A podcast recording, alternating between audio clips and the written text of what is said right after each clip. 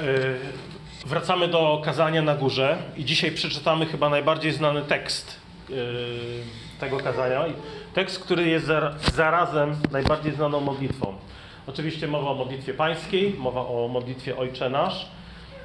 Przeczytamy ją w całości, tak jak tutaj jest w Biblii, od 9 wersetu 6 rozdziału Ewangelii Mateusza. A wy tak się módlcie. Ojcze nasz, któryś jest w niebie, święć się imię Twoje. Przyjdź królestwo Twoje, bądź wola Twoja, jak w niebie, tak i na ziemi. Chleba naszego powszedniego daj nam dzisiaj i odpuść nam nasze winy, jak i my odpuszczamy naszym winowajcom. I nie wódź nas na pokuszenie, ale nas zbaw ode złego. Albowiem Twoje jest królestwo i moc i chwała na wieki wieków. Amen. Ojcze, Ty masz upodobanie w tych, którzy słuchają Twojego słowa, zachowują je w sercu i strzegą. I nawiedź nas duchem Twojej dobroci, daj nam otwarte uszy i widzące oczy. Dziękujemy Tobie, że służysz nam swoim pouczeniem i mądrością i chcemy przyjąć Twoje słowo z ufną wiarą, ale i wiemy, że to zależy od Twojego zmiłowania. Dlatego prosimy, abyś w swojej łasce wprowadzał nas we wszelką prawdę. I drogi Ojcze, modlimy się o to w imieniu Jezusa. Amen. Prawdopodobnie e, żadna część Pisma Świętego nie jest tak znana jak właśnie ta.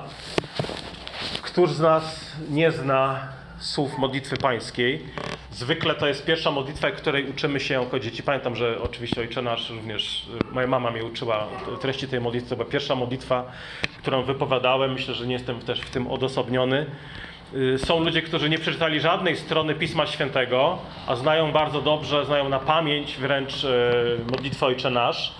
Ale dobrze by było, gdybyśmy też znali sens, znaczenie tej modlitwy. Pan Jezus wypowiada modlitwę pańską, nawiązując do wcześniejszych słów na temat modlitwy. Nauczał, że nie powinniśmy modlić się na pokaz, nie powinniśmy być wielomówni, Uczniowie pytają, jak więc mamy się modlić, i wtedy Pan Jezus odpowiedział: módlcie się w tak, i podał treść modlitwy pańską, pańskiej. Pierwszą rzeczą, jaką powinniśmy wyciągnąć z tego fragmentu, jest to, że no, są pewne zasady dotyczące modlitwy. Tak? Jeżeli Pan Jezus mówi, módlcie się w ten sposób, to znaczy, że e, dobrze było, żebyśmy modlitwy też się uczyli. Tak? To, jest, to brzmi dziwnie, szczególnie w czasach, kiedy ceni, ceni się spontaniczność, szczerość nade wszystko, kiedy góruje taka ludzka inwencja w przychodzeniu do Boga. Yy, Ale Pan Jezus dał do zrozumienia uczniom, że nawet apostołowie powinni uczyć się modlitwy, o ileż bardziej my tego potrzebujemy. Zobaczcie, że my jako wierzący potrafimy skrytykować jakąś modlitwę, nie wiem, do stworzenia, tak, do modlitwy do aniołów, do, do Marii, e, różaniec, jakieś mantry dalekowschodnie i tak, jakąś wielomówność i tak dalej. Ale pytanie jest takie, dlaczego to robimy, jeżeli sami zaniedbujemy modlitwę?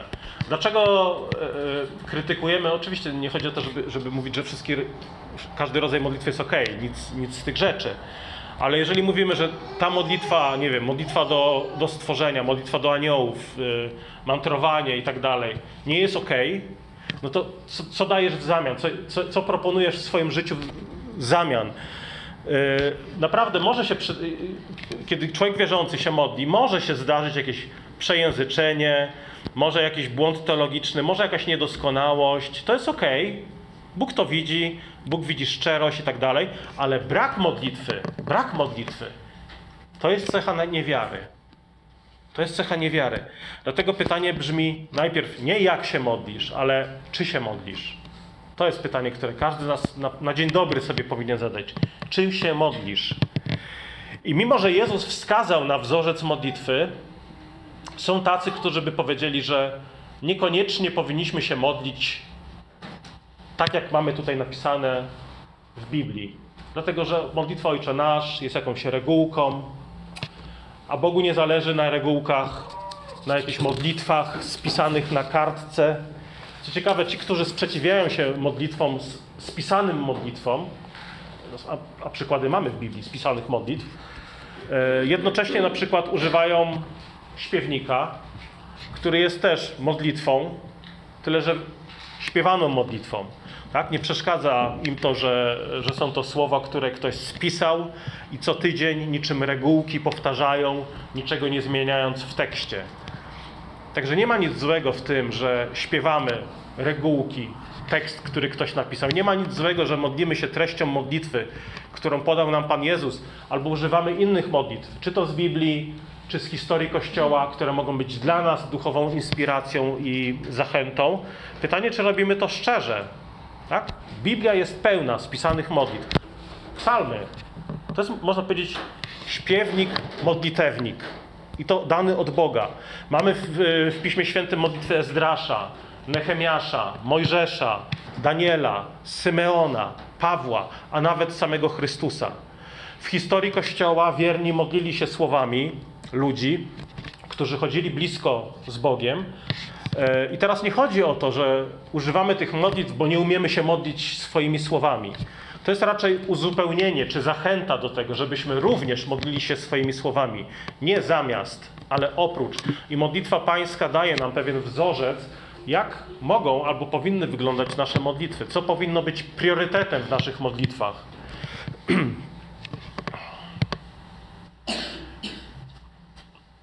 Schemat modlitwy pańskiej jest bardzo prosty. Składa się z trzech części. Wstęp, potem mamy sześć próśb i zakończenie. Tak? Trzy części. Wstęp, sześć próśb i zakończenie. Wstęp przypomina, kim jesteśmy, kim jest Bóg, do którego się zwracamy. Potem mamy sześć próśb, które możemy podzielić na dwie grupy. Pierwsza dotyczy Boga, Jego królestwa, Jego imienia i tak. Druga część próśb dotyczy naszych potrzeb, dotyczy człowieka. Tak? I mamy potem zakończenie, czyli doksologię, uwielbienie Boga. I teraz treść modlitwy pańskiej podzielimy na, na dwie części, jakby tutaj jeśli chodzi o nasze kazania. W dzisiejszym kazaniu przyjrzymy się wstępowi i trzem prośbom dotyczącym Boga. W kolejnym kazaniu, dzisiaj już tego nie zdążymy zrobić, przyjrzymy się trzem prośbom dotyczącym naszych potrzeb i końcowej doksologii. Pan Jezus rozpoczyna e, modlitwę pańską od słów Ojcze nasz. Ojcze nasz, tu się na moment zatrzymamy. Czyli pierwszy zwrot, dwa krótkie słowa, ale niosą ogromną, ogromne bogactwo treści. Pierwszy zwrot, kiedy mówimy Ojcze nasz, od razu pokazuje, do kogo się mamy modlić. Jezus w tej wzorcowej modlitwie nie wskazał, że mamy się modlić do aniołów, do świętych, ale do Ojca w niebie. Jak mamy się zwracać do, do Boga? Ojcze, Ojcze nasz, żeby już na samym początku wzbudzić w nas tą dziecięcą bojaźń i zaufanie do Pana. Już na samym początku Jezus uczy nas, jak zwracać się do Boga. Czyli Bóg jest nie tylko Twoim stwórcą, jest Twoim dobrym ojcem. Co oznacza, że między Tobą a Bogiem istnieje więź na wzór rodzic-syn, rodzic-córka. I to pierwsze słowo, ojcze, ono od razu zamyka usta i dywagacje na temat tego, czy Bóg jest jakąś, jedynie jakąś pierwszą przyczyną, bezosobową siłą, czy może jest matką naturą. Tak? Dzisiaj są takie nurty progresywistyczne, które wdzierają się niestety do kościołów, które mówią, że równie dobrze możesz się modlić Matko nasza, która jesteś w niebie.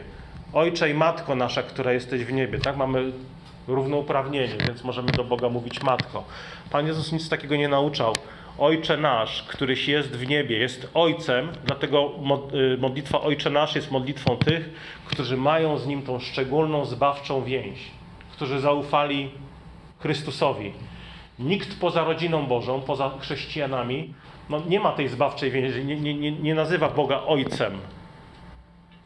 I to jest, słuchajcie, jeden z takich głównych wątków kazania na górze. Przywilej ucznia Jezusa, aby do Boga zwracać się Ojcze.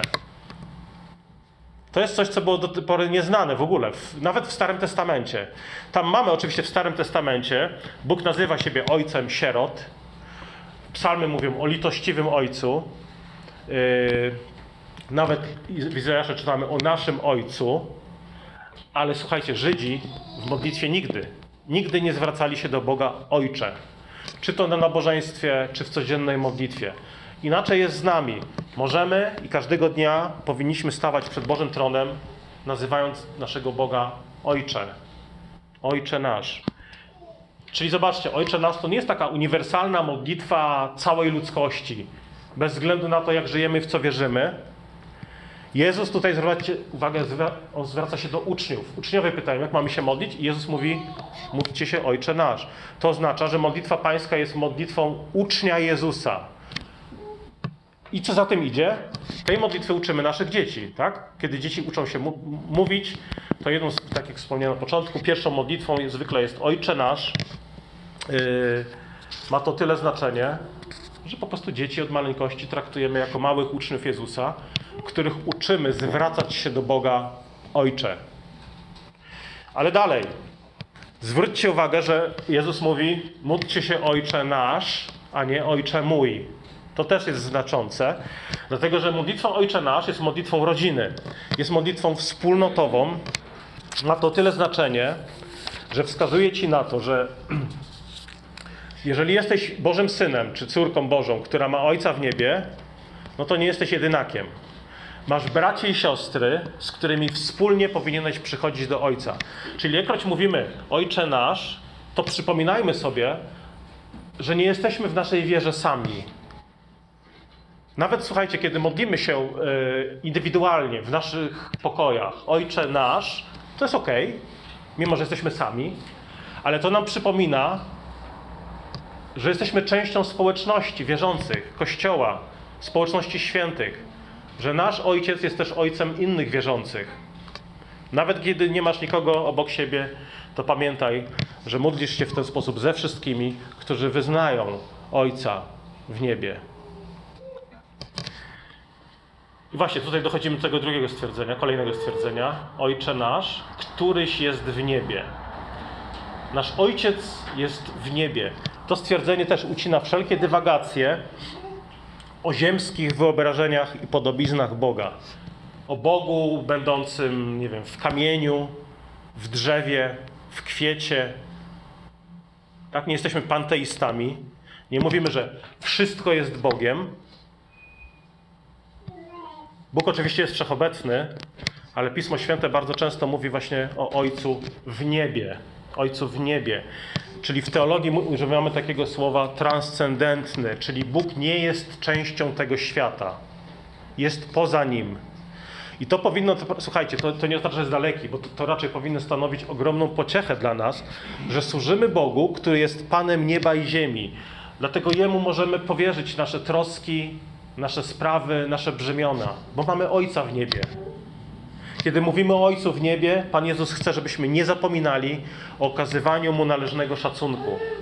Ale nie chodzi tylko o to, że Pan Bóg jest w niebie, bo On jest większy, On jest potężniejszy od nas.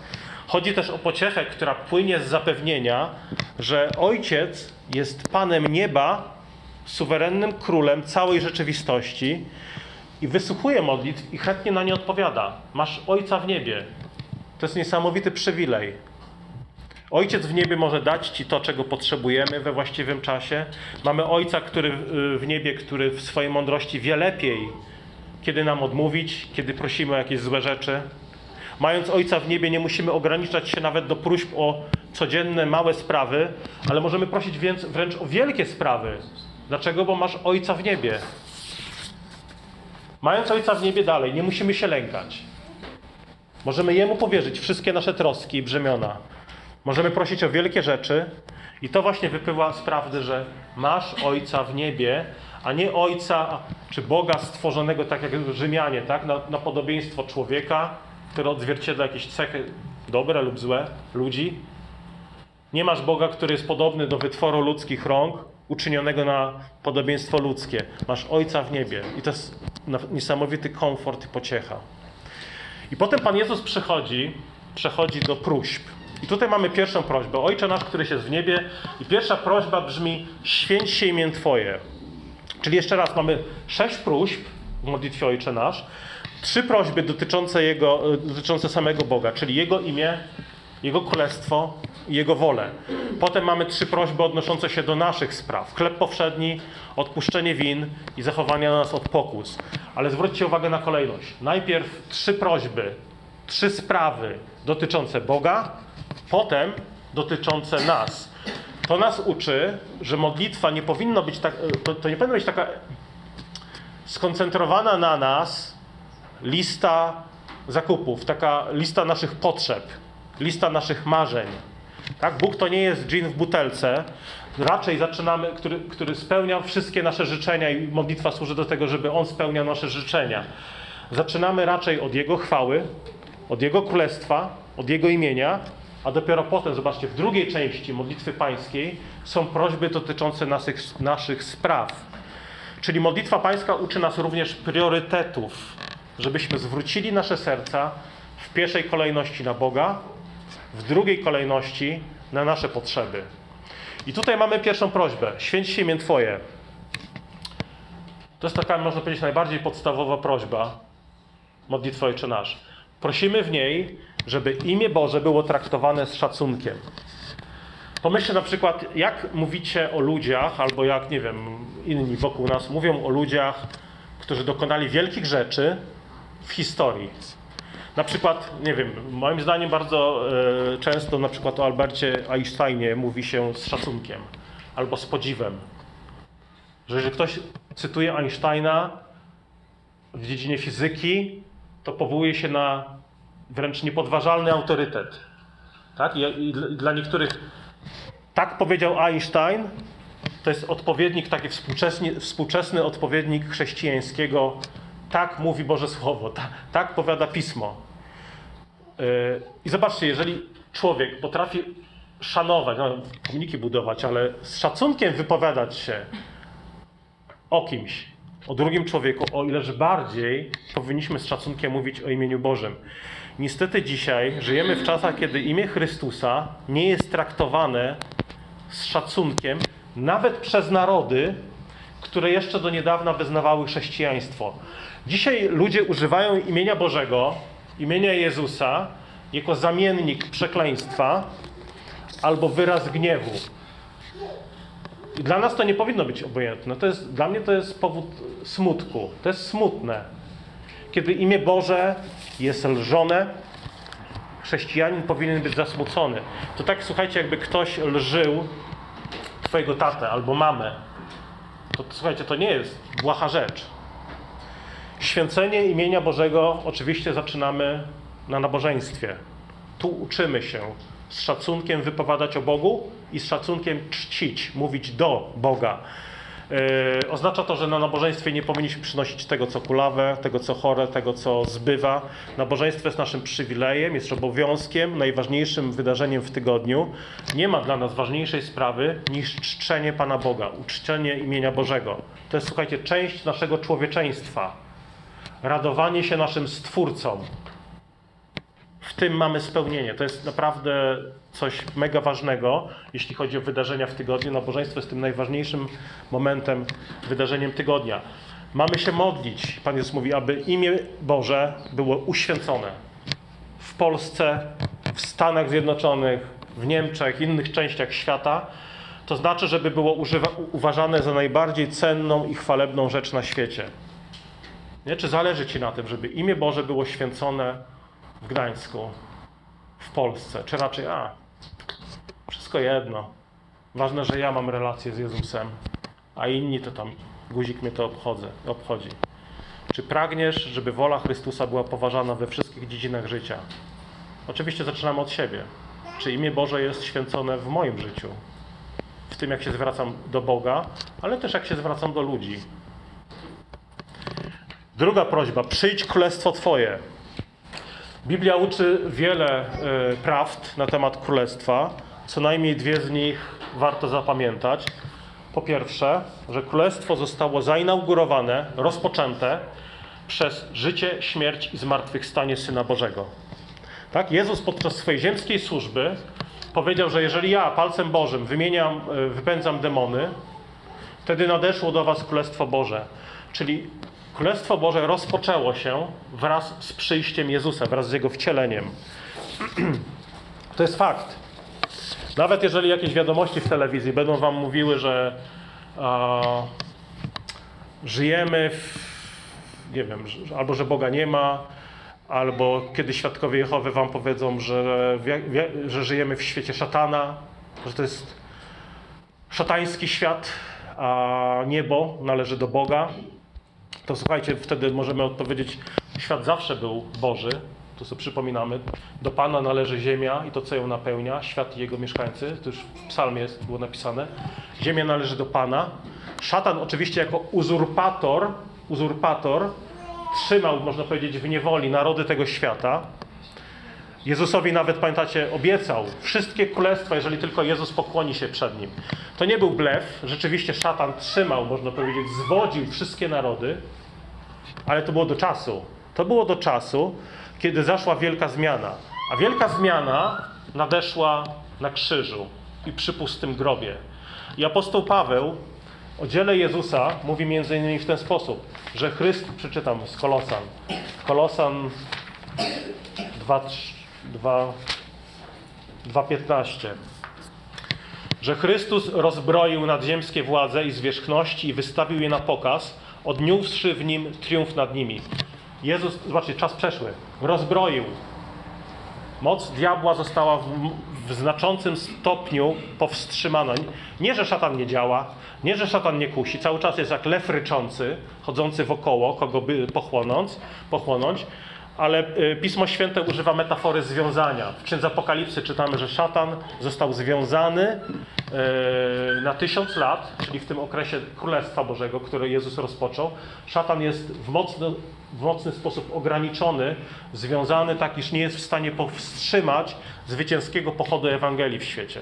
Tak jak Jezus powiedział do Piotra, ty jesteś Piotr, na tej opoce zbuduję Kościół i bramy piekielne nie przemogą Kościoła. Kościół poprzez służbę głoszenia Ewangelii będzie zdobywał, czy Bóg można powiedzieć poprzez Kościół, będzie zdobywał narody. Szatan nie jest w stanie tego powstrzymać. Jezus mówi, władca tego świata został wyrzucony. Panem jest Chrystus. Oczywiście żyjemy w świecie, kiedy mamy do czynienia wciąż z buntem, wciąż z pokusami diabła, ale właścicielem tego świata nie jest szatan. Szatan jest uzurpatorem. Właścicielem jest Bóg. Żyjemy w Bożym świecie. I teraz, przyjdź królestwo Twoje, do tego wracamy. Jezus rozpoczął królestwo, ograniczył moc szatana, czyli co mieli głosić uczniowie? Jezus powiedział, idźcie głoście królestwo Boże. Co, co mieli robić? Mieli głosić, że Bóg przyszedł na świat i obejmuje rządy nad ziemią, a naszą reakcją powinno być opamiętanie i nawrócenie. Prowadzenie życia, które uznaje autorytet Jezusa ponad wszystkim. I teraz, skoro Jezus rozpoczął Królestwo Boże na ziemi i ono było jak małe ziarno gorczyczne i się rozwija, to co należy do przyszłości? Dlaczego modlimy się przyjdź Królestwo Twoje, skoro przed chwilą pastorze powiedziałeś, że, że Królestwo zaczęło się wraz z przyjściem Jezusa? To jak ma przyjść? Przyszło czy ma przyjść? Jedno i drugie nadeszło, rozpoczęło się, było malutkie jak ziarno gorczyczne, ale kiedy modlimy się przyjdź królestwo Twoje, to modlimy się o pełny, rozwinięty kształt królestwa, aby było jak drzewo, na którego gałęziach gnieżdżą się ptaki niebieskie. I tutaj mamy drugie, drugą prawdę. Pełnia królestwa, jego ostateczny, pełny kształt jest jeszcze sprawą przyszłości. Dlatego modlimy się, żeby Królestwo Boże przyszło, i ogarnęło całą ziemię. Mamy się modlić o dojrzałość Królestwa, o nawrócenie narodów. Modlimy się o manifestację Bożego Królestwa w historii, ale też o to, żebyśmy my wzrastali w posłuszeństwie przykazaniom Chrystusa. Żeby Jego panowanie objawiało się w życiu człowieka odrodzonego. Czyli zobaczcie, cały czas w modlitwie pańskiej skupiamy się na Bożym planie. Nie na sobie. Chcemy, żeby Boże zamiary realizowały się w świecie. Modlitwa Pańska powinna uśmiercać nasz egocentryzm. Oczywiście dojdziemy za chwilę, czy w następnym kazaniu, do próśb, bo one też powinny mieć miejsce w naszych modlitwach, ale zaczynamy od Bożej chwały. Modlimy się o przyjście Królestwa w pełni. To też jest ciekawa obserwacja. Zwróćcie uwagę. Przyjdź Królestwo Twoje. Co znaczy przyjdź? Stąp. Niech, niech Boże Królestwo, niech niebo urzeczywistnia się na ziemi. Nie modlimy się, Ojcze nasz, zabierz nas do Twojego królestwa. Nie, modlimy się, przyjdź królestwo Twoje tu, na ziemi. Czyli to jest miejsce naszego, naszej służby, naszego powołania. Boże Królestwo, Księga Apokalipsy mówi o Nowym Jeruzalem, które zstępuje z nieba na ziemię. Czyli to nie my jesteśmy eksportowani. Oczywiście po śmierci nasze dusze wierzę, że idą do nieba, ale mówimy o ostatecznym kształcie, ostatecznej rzeczywistości. Ostateczną, ostateczną rzeczywistością jest połączenie nieba i ziemi, Nowe Jeruzalem wstępujące na ziemię, połączenie nieba i ziemi. I początek tej, tej rzeczywistości mamy w Chrystusie. Chrystus jest połączeniem nieba i ziemi. W Chrystusie możemy zobaczyć, jak to będzie ostatecznie mniej więcej wyglądało. Człowiek i Bóg połączeni ze sobą. Cały sens misji przesłania Jezusa, Jego życia, śmierci, zmartwychwstania to jest właśnie połączenie nieba z ziemią, a nie ich rozdzielenie.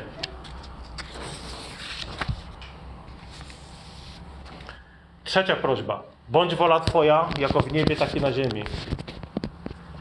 Czyli kiedy modlimy się, by Boża wola działa się na, na ziemi, tak jak dzieje się w niebie, to w pierwszej kolejności modlimy się, żebyśmy to my odzwierciedlali to. Bądź wola Twoja, jako w niebie, tak i na ziemi. Czyli Panie Boże, niech w moim życiu odzwierciedla się rzeczywistość nieba. Ale pamiętacie, modlimy się Ojcze Nasz, co oznacza, że powinniśmy się też modlić o innych wierzących. Żeby w życiu Twojego brata czy siostry urzeczywistniała się właśnie urzeczywistniało się niebo. Żeby wola Boża działa się w życiu Twoich bliskich. I teraz skąd wiemy, co jest wolą Bożą? No już mówiliśmy o tym. To oczywiście są Boże przykazania. Będziesz miłował Pana Boga swego z całego serca, swego z całej duszy swojej, z całej myśli swojej. To jest największe i pierwsze przykazanie, a drugie podobne temu będziesz miłował bliźniego swego jak siebie samego. Czyli istotą prawa jest miłość do Boga i bliźniego. Czyli w trzeciej prośbie, bądź wola Twoja jako w niebie, tak i na ziemi, modlimy się, żebyśmy wraz z innymi wierzącymi okazywali miłość Bogu i bliźniemu.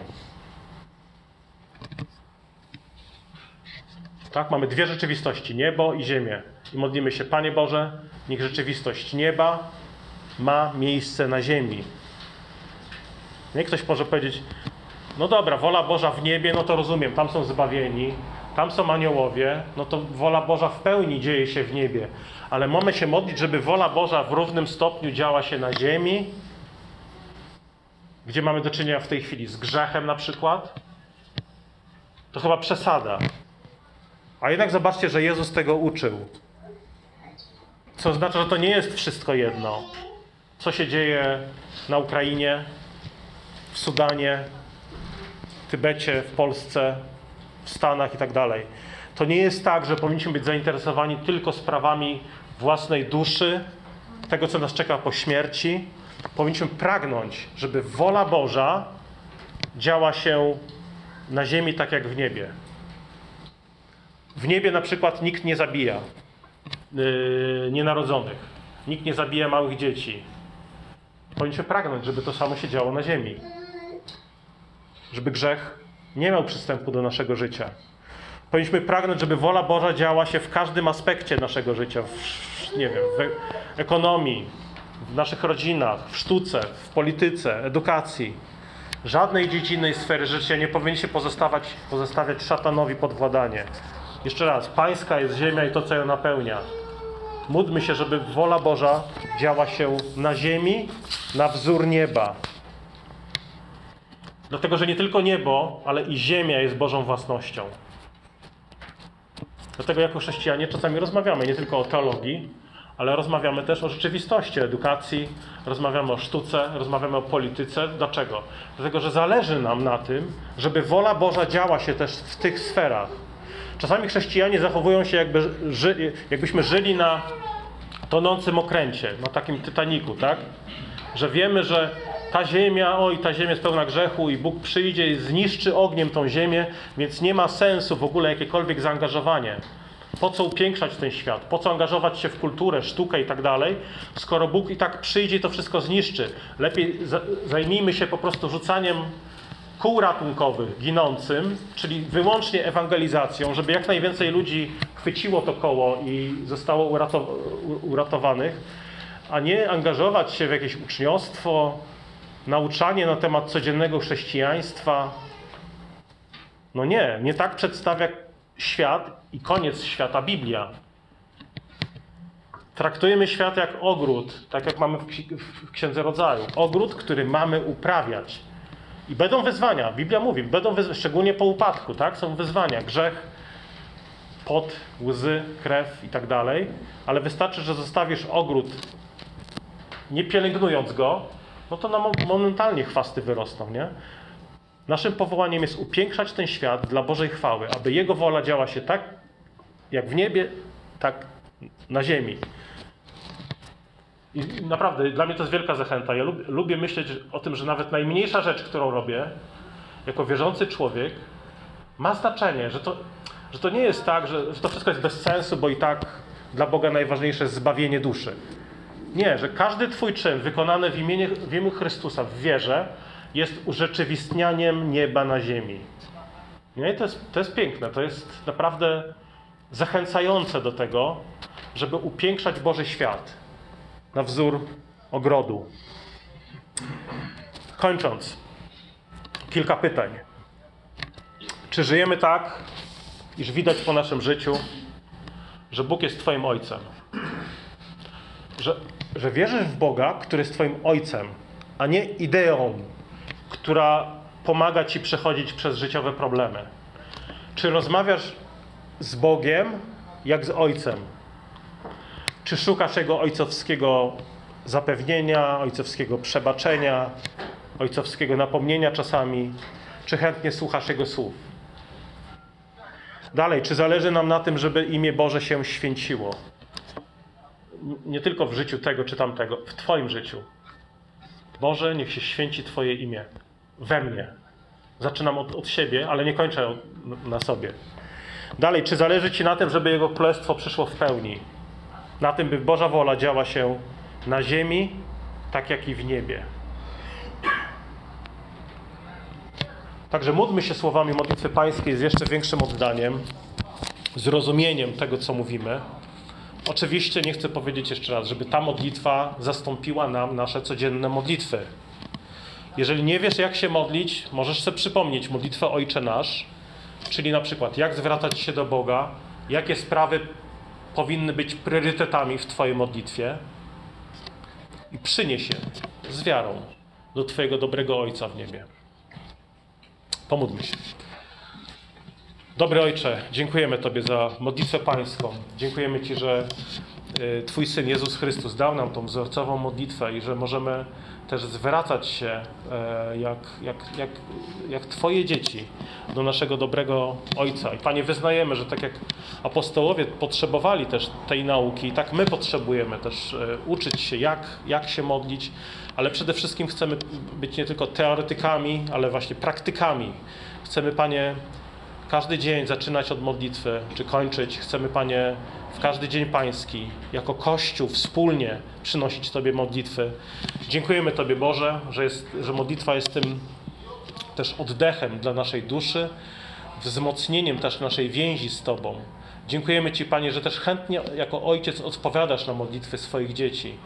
Dziękujemy Tobie, Boże, za wiele też właśnie obietnic dotyczących spełnionej modlitwy i, prosimy o to, aby właśnie ta treść modlitwy Ojcze Nasz towarzysz- towarzyszyła też nam w naszych modlitwach, w naszym codziennym życiu. Modlimy się o to przez imię Jezusa. Amen.